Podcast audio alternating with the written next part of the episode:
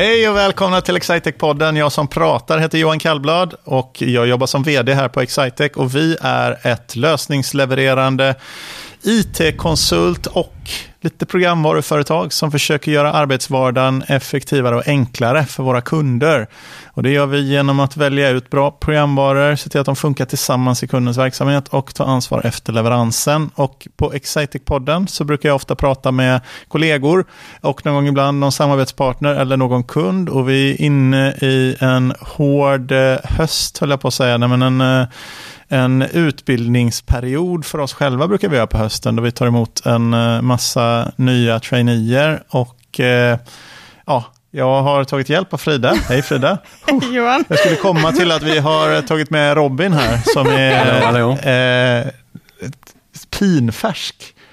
Nej, inte väl pinfärsk längre. Du var pinfärsk på Ja, Excitec. eh, 10 augusti börjar jag Mm. här på Excitec. Ja. Det var en väldigt lång intro utan typ ett andetag. Ja. Jag blir alltid lika så här imponerad över hur, hur länge ett andetag varar. Jag har två stycken kommentarer om det. Det ena är, är eller tre faktiskt. Eh, Vi tar alla tre då. Det första är att jag eh, tillbringade eh, 11 år av mitt liv med att öva på blåsinstrument. Så att jag, jag kan, jag har Just det, liksom- ja. Ja, så det är det första. Eh, num- kommentar nummer två är att jag en gång har fått eh, kommentaren att jag eh, kan prata både på in och utandning. Eh, vilket jag inte vet om det, och det var någon som tyckte att jag pratade för mycket. Och sen har jag en tredje som var, i, det hände i USA då, när jag var, jobbade med, som pre-sale för något eh, affärssystem. Och då sa, eh, påtalade säljaren att jag fick vad som kallas för i branschen för verbal diarrhea. Det har man ju hört. Så, det- ja. så det var tre kommentarer, tre snabba. Och Låter som jag eh, lite. Ja, men vi har ju igenkänning på alla dem. Det är Ja. ju inget som förvånar. Och det vi sa när vi började den här, Johan, om du vi ligger lite efter tidsschemat som jag inte pratar så mycket. Hur tycker du att det går här inledningsvis? Jo, men eh, Robin, välkommen. Ja, tack så mycket. Ah, är Robin här också? Gud vad kul. Jätteroligt att få vara med faktiskt. Har du lyssnat på några Excitec-poddar Ja, tidigare? jättemånga. Både under hela sommaren och eh, ja, nu också för att förbereda lite och komma in i snacket. Just och, det, eh, för att veta vad det är för företag jag ska börja på, Ja. liksom, få en bild av det. vad bra. Det var lite det vi vill med Excitec-podden också. Får jag bara fråga, har vi fått någon så här slags Skåne-special här nu? Eller? Robin, vad... Har ni haft flera skåningar idag? eller? Nej, vi har smålänning i och för sig, det är inte samma sak. Nej, och min skånska är väldigt eh, nätt. Den Väldigt- hörs ju. Väldigt, nej, Var, var är du från Frida? Eh, nordöstra Skåne, Göinge. Ja, så ja. att, eh, det är ju en eh, lite annan dialekt. ja Och sen är den också utblandad med Mm. annat. Okej, Mm. jag är från eh, längst ner kan man säga i um, Vellinge. Så Höllviken, Skanör Falsterbo där. Eh, där är jag uppväxt. Där är det lite mer uttalad skånska skulle jag Ja, säga. det, det kan man absolut säga. Ja. Eh, sen har jag bott här i Linköping i eh, sju år, så jag har väl blivit, den har blivit lite mer uh, lättförståelig. Så det är därför det har blivit ren rikssvenska. Precis som min, jag har också bott här väldigt länge. Jag pratar också rikssvenska nu, precis som ni. Eh, men, men, Just det, så här, klubben för inbördes sitter här. absolut. Men, men Frida skulle nog eh, förstå vad jag sa för sju år sedan, men, men Johan är nog mer Ja, det tveksam. var kämpigt faktiskt. Jag hade en, en kompis när jag började plugga här som eh, kom från Trelleborg då. Och jag klarade inte av att prata telefon med honom när jag Nej. precis hade flyttat hit. För jag förstod inte vad... Trellehulla. Trellehulla. Trellehulla. Men Eh, ja, det är lurigt det där. Min sambo har ju problem när vi är och träffar min familj i Skåne. Speciellt så här min morfar. Mm. Det är, jag ser på honom att han inte hänger med och bara Ja. nickar och ler i alla samtal. jag- Det är väldigt underhållande. Jag gick tekniskt basår på KTH och då var jag den enda eh, skåningen i klassen, alla andra var stockholmare. Och eh, då räckte jag upp handen på en föreläsning, det här var precis i början, jag hade flyttat, aldrig bott utanför Skåne, flyttat liksom, eh, och räcker upp handen och frågar liksom, ja men hur, eh, hur, hur fungerar den här ekvationen? Och då alla börjar skratta på föreläsningen. Och jag bara, åh nej, vad, har jag, vad har jag gjort? Så har jag något kul? Och sen Ja. så förstod jag ju att nej, det- jag pratar ju bara grov skånska. Det är det, det, som var fel. De förstod inte vad du pratade om. Nej, vad komiskt. Så fick jag, eh, ja. Men så du har pluggat på KTH? Eh, Jag pluggade teknisk baser på KTH Ja. och sen så ehm, blev jag första reserv för uh, civilingenjör i Linköping då. Och så jo- jobbade jag ett år och studerat till högskoleprovet en timme innan jobbet och en timme efter jobbet i eh, tio månader. Och sen kom jag in, i, eh, så höjde jag mig och kom in i Linköping. Bra jobbat, dedication. Pluggade till högskoleprovet. Min dotter, min äldsta dotter ska göra högskoleprovet här nu någon gång eh, nu snart. Det är lite tajt så här med anmälningen Men och har så. hon Men fått har, plats? ja, men hon har fått plats ja. Mm. Hon fick sitta i så här 20 timmar Ja. och vänta. Och så var det för en 10 minuters slott-tid. Och jättekonstigt Men, eh, ja, hur det de har ju fått så Men- mycket kritik för det. Ja, med välförtjänt kritik tror jag också. Men, men, men eh, ja, det var kul att anmälningen skulle bli så svår att göra. Ja. Det, är mycket, det finns mycket att säga om högskoleprovet, men jag vill höra mer om en timme plugg innan och en timme plugg efter Mm. jobbet, för det har min dotter inte visat några tecken på. Att, eh, Nej, men jag vet inte. Det, jag eh, tog, alltså jag, eh, runt 21-22, så gick jag från att vara liksom eh, jag rökte ett pack röda prins om dagen, jag tatuerade mig, jag tränade aldrig, satt bara och spelade dataspel. Eh, och eh, så gick jag, det var typ 21-22, så bara satt jag i min säng och kände att nej, jag, eh, vad håller jag på med liksom? Vad gör jag med mitt liv? Ja. Och hade jättedåliga betyg och bara, vad gör jag för något? Och så kändes det som att när man nyktrar till nästan, att jag liksom... vet du vad det är som händer när vi är 22-årsåldern för killar? Det är att synapserna i hjärnan växer ihop. Och man Men det kan var- tänka Det kändes som det. Det kändes som det, att man liksom... Det är det här, jag ska, jag ska gå i den här riktningen. Jag slutade röka, jag, jag har lasrat mina tatueringar. Det är lite grönt kvar. Ja. Och, och gjort det i flera år. Och sen så började jag plugga. Och det, det förklarar skägget också. Ja. På ansikts. för Mike Tyson-grejen är... Ja, den, den, är inget i ansiktet. Men på armen har jag tyckte det var snyggt att ha på armen. Eh, Då, för tio, för tio år sedan. Men, eh, så jag gjorde en helomvändning. Och så eh, pluggade jag. Så var det ett jättestort steg att börja på teknisk baser då, den matten. Men sen var jag ganska förberedd. Så när jag väl började i Linköping då, då var det faktiskt inte så svårt. För teknisk baser var så, det var så mycket press då. Och, Jag så jag var liksom inne i, i gunget. Eh, Vilken, vilken grej egentligen. Ja. Alltså det är Alltså, ju, ja. Ja, alltså vi har ju sett, du, Robin är ju på ytan en av de mest eh, liksom, clean eh, personer vi har haft här inne i vår lilla studio faktiskt. Tackar. En av de mest sa jag faktiskt. Just det, Så- men eh, får man fråga hur mycket du höjde dig på eh, Eh, högskoleprovet? första gången jag skrev det, det var innan jag gick teknisk basår, då fick jag 0,9. Och då har jag alltså, eh, ja, inte bra gymnasiebetyg. Men 0,9 är faktiskt inte jättedåligt. Nej, det är medium. Ja. Och sen så efter eh, högskole, efter teknisk basår, då fick jag 1,4 och då blev jag första reserv. Och då sa jag att nej, det här är liksom, jag kommer att kämpa tills jag dör för att höja mig på högskoleprovet. Jag kommer aldrig ge upp liksom. Och då bestämde jag mig att jag ska plugga en timme innan, en timme efter jobbet. Och så kommer jag höja mig för att jag har aldrig känt mig dum liksom, utan jag har bara känt att jag har nog, om jag inte klarar något, då har jag liksom gjort det för lite. Om jag är dålig på tennis, då har jag spelat för lite tennis. Om jag är dålig på matte så har jag pluggat för lite matte. Jag är inte dum. Alltså, så tänker jag. Um, Ja, det är Va- väldigt imponerande. Ja, vad, Ja. skrev du efter då? Den, eh, 1,5 slutar jag på. Ja. Ehm, Det är en, alltså 0,6 poäng att höja, det är väldigt bra. mm, Väldigt bra. Och Men det är ju det- svårare att höja de där sista sen. mm. Det, det är ju det tuffare liksom, ju längre upp man kommer. Otrolig tillfredsställelse att, att eh, komma in sen efter ett år och verkligen få kämpa och klara det. Men satt du liksom och, och tragglade sådär, var liksom ecklesiastikministerium och Ja. sådana här Var, ordförståelser? varje dag och ökade mitt ordförråd och liksom eh, använde orden så att mina kompisar störde sig. För jag kunde liksom säga, ja men eh, du ska nog inte proklamera det. Och de liksom bara, du sluta med de orden Robin, för det, det är inte kul. Jag tycker det är otroligt roligt. vad, vad har, hur mycket spelar du alfabet? Ja, jag gjorde då faktiskt med, eh, ja, Ja, för hur mycket viktigt. vassare blev du på alfabet? under det? Mycket, det ökade i kunskapsnivån väldigt mycket och det var faktiskt väldigt bra att sitta och läsa svåra artiklar och lära sig ord. Jag, det var ju flera 200 ord om dagen liksom. Men var det det segmentet som du kände att du tappade mest på?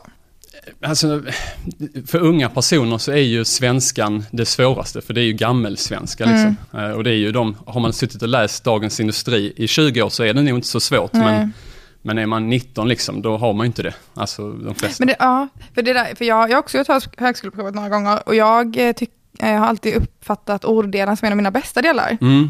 Och jag tänker ju att det här hör ihop med att jag alltid har läst mycket. Så Det, det känns som en sån där nyckelgrej. Att Mm. försöka... Det är jättebra. Alltså. Här, Robin hade ju bara mycket. läst Zlatans självbiografi, vet du. Mm, jag Ja. tror inte det är så mycket proklamera-begrepp där. Jag hade faktiskt ett, eh, en, en bok som jag läst nyligen. Jag försöker alltid läsa innan jag ska gå och lägga mig för att jag inte vill Jag vill inte ha skärmtid en halvtimme innan jag går och lägger mig. För att då tror jag att jag sover bättre. Så jag försöker läsa sista halvtimmen. Och då läste jag den här uh, En Astronaut's Guide to eh, Life on Earth. Just det. Och eh, det är från Chris Hadfield som är kanadensisk kapten på internationella rymdstationen. Eh, Där han beskriver liksom utmaningar som han har haft i sitt liv. Och hur han har tagit sig från liksom eh, kanadensisk bundpojk till kapten på en rymdstation. Han har loggat 4000 timmar på den här stationen liksom. Eh, Ja, bra jobbat, jag är imponerad, Ja. jag måste säga det. Här, I teorin så vill inte jag heller ha skärmtid innan jag går och lägger mig, men jag Mm. har ju det. ja, Men, ja. Man, man har ju det. Mm. Men Mm. eh, ja, bra jobbat. så här, Ja, så, då ska jag ta tag i mitt liv om någon har svårt att sova så, så eh, kan jag tipsa om faktiskt att titta inte på någon skärm sista halvtimmen. eh, Utan läs en bok och bli lite trött och Mm, så att det kan hjälpa. det är bra.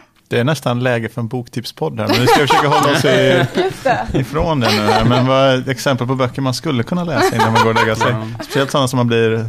Trots alla författare Dåliga som jag rekommenderar brukar bli...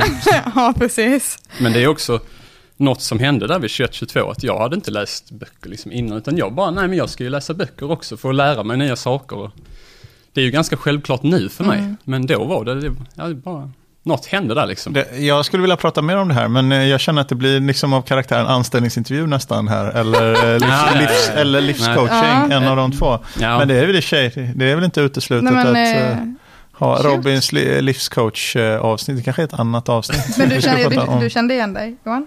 N- ehm, jag, jag känner igen att jag skulle önska att min 21-årige son går igenom samma metamorfos. Nej, det ska jag inte säga eh, riktigt. Han, eh, han Det sköter sig Men eh, jag kan bara okej, avs- men- avsluta den här så kan vi eh, prata om eh, min anställning och så också.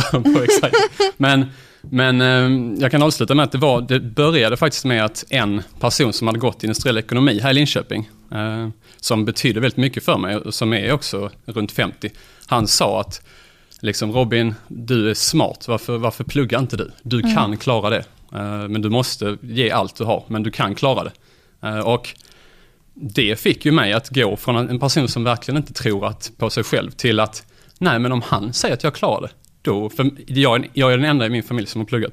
Så det är ingen som vet att jag klarar det i min familj, men han visste att jag kommer klara det. Och då fick det mig att tro på mig själv liksom.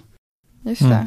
Men jag tror det, det är intressant det där som händer. För det är på, jag skojade om det här med att hjärnan växer ihop, fast det är ju så på riktigt. Mm, Det, är det, ibland, eller det pratas ju om det ibland, om, om att unga män är dåliga på risk och konsekvenshantering. Och det är ganska uppenbart. Det är ju, unga män står ju för väldigt mycket av, Ja. av dumheter i Alla samhället. fängelser, Och det, liksom. och det kan vi vara sura på vara besvikna på och säga. De liksom borde sitta och läsa Svenska Dagbladet mer och diskutera genuspolitik. Men de gör inte det, för de är dumma i huvudet. eh, för att eh, huvudet är... är ja, men, liksom, men man kan inte hjälpa, någon som inte, där inte hjärnan sitter ihop än, kan man inte riktigt hålla fullt ut ansvarig för att hjärnan inte sitter ihop. Men det kan, jag tror att en sak som händer, om ni får ta, ta det på lagom Ah, rätt sätt, det är ah. att när det sen blir så, att för hjärnan mognar senare och Mm. sparar, säger en del i alla fall, eh, när, och sen är ju inte alla exemplar av KAR exakt likadan. Men när den väl växer ihop, att då inte vara fast i den situationen som man råkar vara i. Mm. Liksom, att orka ta sig ifrån, för det kan ju vara då att du sen, visst absolut blir driven och absolut blir motiverad och absolut har konsekvenstänk, men du klarar ändå inte av att ta det ut, för du har satt dig i en situation där ditt umgänge och din omgivning och, och allt sånt där är på ett visst sätt. Mm. Så även om du har talangen så kan du inte lyfta dig själv. För det kräver flera, så det kräver det räcker inte att hjärnan växer ihop och sen bara gör man det, utan det kräver ju en motor liksom, eller någonting som knuffar en eller något sånt där. Mm, och- det där är inte lätt alltså. Och jag tror ju Verkligen. Också det här att eh, alla, alltså eh, jag då speciellt, man behövde någon som man såg upp till och som eh, tog en på rätt bana i livet. Mm. För att man kanske inte ser det när man är 19 och, och man vet kanske inte var man ska, men man kanske har någon som ser upp, man ser upp till som, man, som kan ta en till rätt väg kanske. Verkligen. Eh, Så, så var det för mig. Mm. Men jag tänkte, det är en annan association i det här med sömn, när du nämnde det här med att titta på eh, mobilen och sånt. Mm. Då, som, som jag läste lite om det där, jag läste en bok som heter Sömngå, Sömngåtan, det kommer hashtag boktips också. eh, som, det var väl ingen jättelätt, man blev ganska trött av det tycker jag, så det var väl bra. Men, men eh, i, det pratades också om den här systematiken kring eh, till exempel hur vi väljer att säga att skolan börjar klockan åtta till exempel och pågår till klockan fyra och att man har vissa rytmer och så har man en del som alltid kommer försenat och har svårt att komma igång och att det kan finnas liksom rena biologiska skäl till att en del, det är inte bara, vi tänker ju att ja, men det är dålig självdisciplin, mm, mm. hen klarar inte av att gå upp, men en mm. del är bara virade till att funka på ett annat sätt och de kommer inte igång. Sen när man blir lite äldre så får man enklare att komma upp i tid, men en del som är en viss ålder, det kan vara så att du blir, skjuter ut dig själv från skolan för du reder inte ut och vara alert klockan Nej. åtta på morgonen eller klockan Nej. sju eller när man nu det, ska ha det. Och det, det är lite synd är väldigt, att välja på det. Mm. Men den är ju väldigt inrutad. Ja. Det ska ju vara samma. Det är, jag förstår ju också för det är någon slags massproduktionstänk. Det, ja. det måste ju bli det. Mm. Men det är ju problematiskt för människor är så väldigt olika. Mm. Och, en artistisk person kommer inte trivas på en mattelektion. Nej, alltså. precis. Och sen är det också så här, i arbetslivet, när man väl kommer ut i arbetslivet, så de flesta arbetsplatser är ju mer flexibla än vad skolan är. Mm. Men i skolan får man aldrig mm, utlopp för flexibilitet eller eget ansvar. Det är liksom, du ska införa det här vid den här tiden. Mm. Så, så kan man säga möjligtvis att poängen är då att eh, öva på underkastelse. Och det kan ju vara en poäng i det. Men, ja, men det, det, har ju någon poäng i det. För så kan det vara om man ska träna till exempel och bli idrottsman eller någonting sånt, kvinna.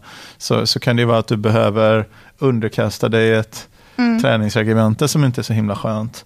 Men, men eh, liksom som man måste göra för mm. att komma till någon viss nivå. Men skolan är, vi vill ju egentligen ta vara på, i svenska skolan i alla fall, ta vara på alla individerna. Mm. Inte bara så vi ska fostra fram den allra största elit den, den allra bästa exemplaret av människa. Utan mm. vi vill ju, och inte heller vill vi göra bara säga att ja, men det är det genomsnittliga average-resultatet. Utan vi vill ju att varje individ ska kunna bli allt som hen kan bli. Mm. Eh, och, men ändå med hänsyn till till ja, individens kapacitet. Och då är mm. inte det speciellt rimligt att säga att alla ska passas in vid samma Nej. tid och göra samma sak. Och så. Det, det, är inte rätt och speciellt inte som, fast ja, jag vet, kan ju ingenting om om eh, skola här egentligen.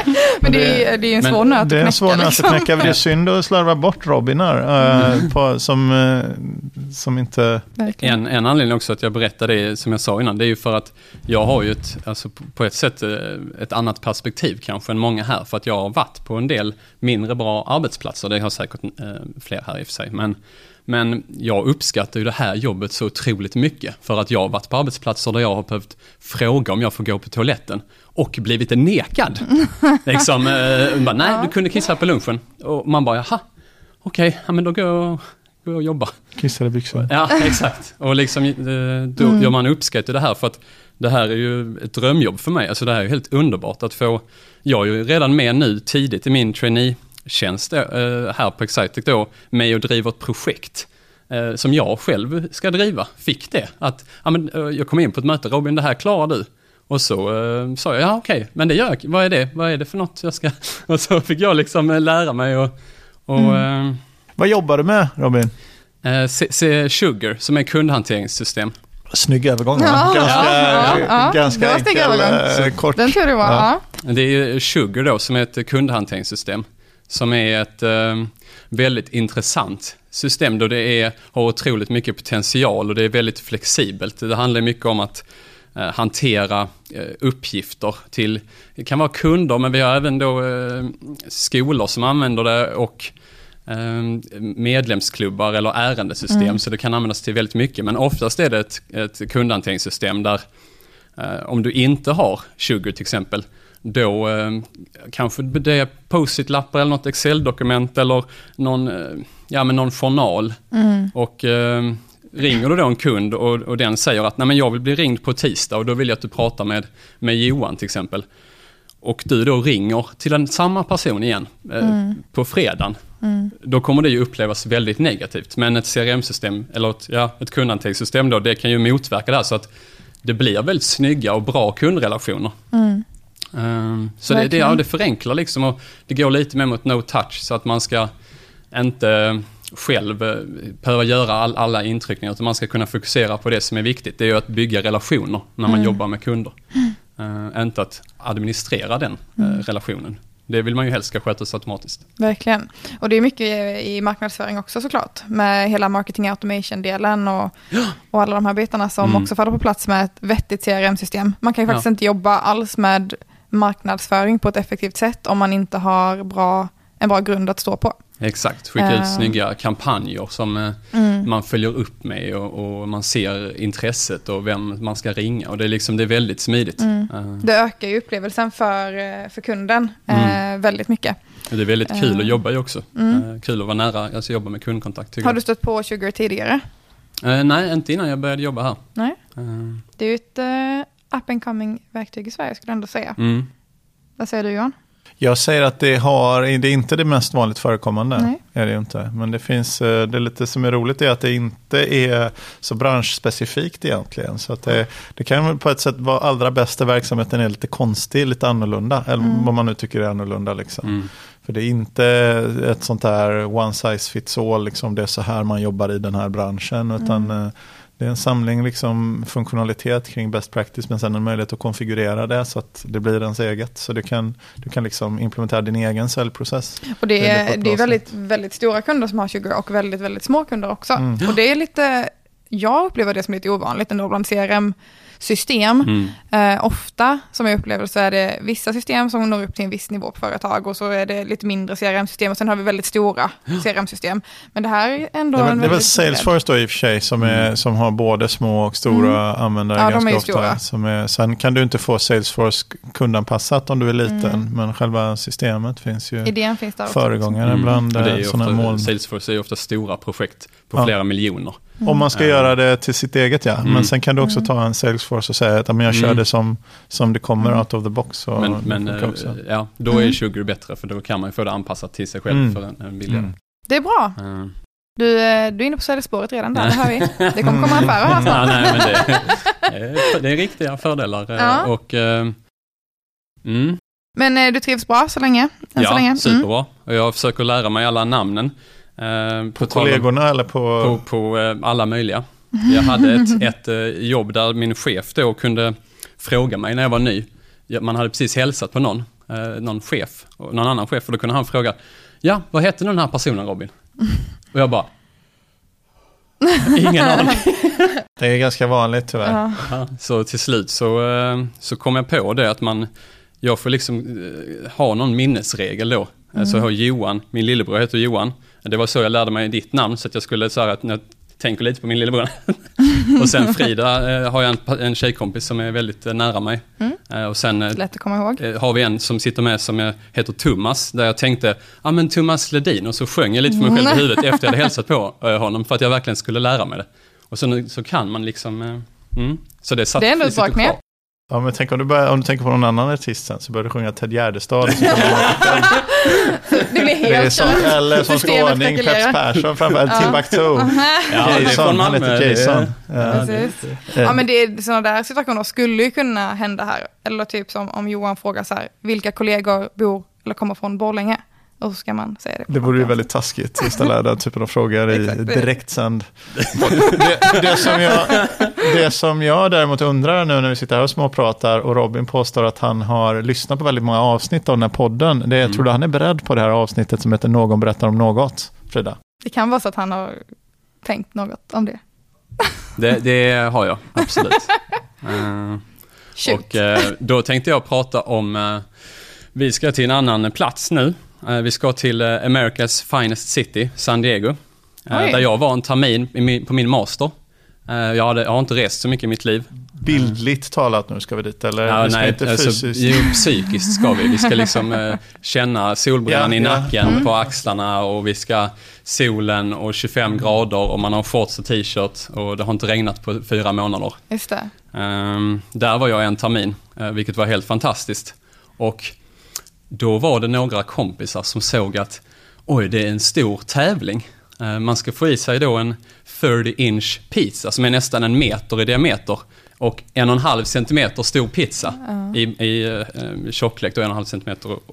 Och, eh, och de bara, men det, jag är lite känd då för att äta mycket. Och de bara, Robin det där skulle du aldrig klara. Eh, och de sa att på, där de serverade då, de höll tävlingen, där sa de, det är ingen som har klarat det här och på väldigt länge. Och eh, jag förberedde mig en vecka för det här. Ja men just det, töja som magsäcken. töja så mycket. magsäck och liksom, eh, och jag och min kompis, man skulle vara två. Man hade en timme på sig, man fick inte ställa sig upp, du fick inte gå på toaletten. Eh, och ehm, vi eh, förberedde oss en vecka då, åt jättemycket och sen så tränade vi jättemycket precis innan den här tävlingen. Och så gick vi dit då. Och så eh, började och då blev det att folk intresserade sig för vi, vi liksom, det var inte så många som var med. Och amerikanerna är så otroligt sociala så de kommer ju fram och liksom, åh vad ska ni verkligen äta den där? Och det kommer ni ju aldrig klara. Och det satt något grabbgäng som var bakis tror jag, som, som satt och skrattade liksom lite och, och satt och hejade också. Och sen så kommer det då, så börjar vi, vi har kommit halvvägs och då kommer det fram en American football eh, coach då och bara, jag, jag tar hit mitt fotbollslag eh, varje år och vi försöker klara det här men det är ingen som har klarat det. uh, och det liksom blandar, och det kommer fram ett par och kan vi få ta en bild när ni äter? Och, och liksom, det, all, det liksom hela byn börjar engagera sig i vår tävling. Och uh, ja, men den här fotbollscoachen då, han var väldigt vi hade en fjärdedel kvar och det motsvarar ju kanske ja, men en och en halv pizza i Sverige. Mm. Uh, det är en, en slice liksom på den pizzan. Och han, då, då kom han fram och bara, nej men grabbar jag, jag, tror verkligen på er. Jag tror att ni klarar det, ni har det som krävs nu. Och uh, och det ska säga, jag började dejta min eh, flickvän som jag, som jag är med nu. Hon, jag skrev ju till henne och hon tyckte att jag var helt dum i, som liksom ens, eh, hon bara, vad, vad håller du, tror du att jag tycker det är coolt att du äter pizza?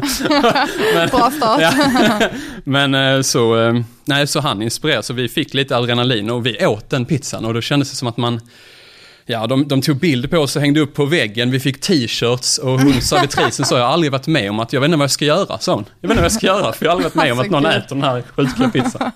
Ja, det är ändå, uh, vilken pizzabedrift. ja, varför, har vi pratat om, uh, om, uh, om ät... Nej, ättävlingar har vi aldrig nej. pratat om på podden. Major League Eating har vi aldrig pratat om. Nej. Så att, känner, känner du ens till Major League Eating? Nej, men att är det det med korv? Ja. Det är med korv. Mm. Ja. Mm. Joey Chestnut. Ja, du kan se, titta här nu, utan jo. inga tillbehör. Nej, jag ser att du inte googlar. Men ja, ja, eh, han har mörkt hår, eller hur? Svart. Ja, han är lite större. Ja, han är inte jättestor. Han är, är som Robin ungefär. Ja, inte så, inte så oerhört stor. Nej. Ja, så finns det en... det var bara ett förtydligande det. ja, nej men alltså, det är ju inte så att man ser Robin och så tänker man, gud vilken liten människa. Nej. Som han, som jag tror heter Koyabachi, eller Kiabachi, han som var, för det är så här, Joey Chestnut har vunnit då den här Nates Hot Dog Eating Contest som helst mm. hålls på nationaldagen 4 juli då i Atlantic City varje år. Och han satte nytt världsrekord. Jag om jag minns rätt så åt han 94 stycken varmkorvar på 10 minuter. I, ja, jag kan inte förstå sjuk. att vi aldrig den har pratat är... om det här. De är ju rejäla de här amerikanska det, varmkorvarna också. De, de doppar brödet i vattnet. Så han har en bra teknik som är att han doppar två stycken brödbitar i vattnet. Så han trycker in två korvar ja. och så, så, han äter två i taget. Två korvar, två brödbitar Två korvar, två ja. brödbitar och så eh, käkar han. Men Joey Chestnut, eh, googla det där, du kommer mm. aldrig glömma det. Mm. Some things cannot be unseen. Och att, se, att se honom trycka 94 varmkorvar på 10 minuter, det är en av dem. Men det kanske är en legend, för det var en legend på den pizzerian då att det hade kommit in en stor amerikanare. Och han hade ätit en hel sån här pizza själv. Och sen hade han då beställt en cheesecake efter den här pizzan. Ah. Det låter som att det var han. ja, det kanske, och han var liksom så här mytomspunnen. För man, man tänker ju att det ska finnas många som kan det, men alltså, ja. den är precis exakt den här personen, han har typ vunnit åtta av de tio senaste åren mm. eller någonting ja. på den här tävlingen, som är stor alltså, den här tävlingen. Och att, det, att samma person kan vara liksom överlägset bäst i Det är som det finns talang på allt, liksom. Men att en person kan vara klart bäst i världen på att äta mycket. Det, det är sanslöst. Det är sanslöst. Ja. Ja, men eh, vilken, Robin ja. pratar äntligen liksom för första gången om, om eh, värdena med att äta mycket. Ja. Och, eh, Mycket mat. Men det var, rolig, det var en av de ro, roliga minnena. Alltså vi, det var en helt otrolig resa. Och, mm. och, uh, jag hade aldrig varit i USA innan. Och de är ju, något som, man kan ta, som jag har tagit med mig där, det är att de pratar ju med främlingar i USA. Mm. Utan problem liksom. Sätter jag mig bredvid någon på en bänk, då kommer mm. de börja prata med mig. Mm. Ah, Hej, vad gör du för något? Vad, ska, ska du någonstans mm. eller vad gör du idag? Hur, hur är läget liksom? Bor du här i närheten? Mm. Och då skulle jag kunna, eller faktiskt vilja då utmana de som lyssnar lite och säga då att sitter ni bredvid någon på något tåg eller buss eller en bänk, att testa att prata med dem. Fråga vad de gör och var de ska någonstans. Uh, ja. det, det kan hända. Mm, för det, det, kan bli lite intressant faktiskt. Mm. Det, mm. Ja, det är ju väldigt osvenskt. Ja, det är ju faktiskt väldigt osvenskt. Det är ju Men, lite, äh, ja. Man fick vänja sig. Vi får också lägga till en disclaimer på det här med coronaavstånd. Ja. Får vi göra. När man ska börja prata med främlingar. Mm. Absolut. Men eh, om eh, det här lät intressant, Johan. Det var jätteintressant. Och eh, om man tycker att det är så intressant att man tänker att en sån snubbe som Robin, han vill jag hänga med. Då går man in på www.excitec.se karriär och kollar på till exempel eh, traineeprogrammet för 2021 Det är man. som vi har börjat anställa folk Det kan man till. redan ansöka, det visste inte jag. Faktiskt, det är, det är få företag som man kan söka Mm. eh, så här länge. Så det är superbra att det finns den möjligheten. Ja. Så det är bara att hoppa in där direkt skulle jag Och säga. om man känner att man eh, tycker att det här kundhanteringssystemet, Sugar, låter intressant, då går man också in på www.excitec.se och så kikar man lite grann på vad vi håller på med, så kommer man hitta det där och så kan man lämna sin information och berätta vad man är intresserad av och så kommer vi hooka upp på den vägen. Mm. Det gör vi. Så tack så mycket för att ni ville vara med. Tack Ja, så mycket. Tack, tack så mycket för möjligheten att få vara med.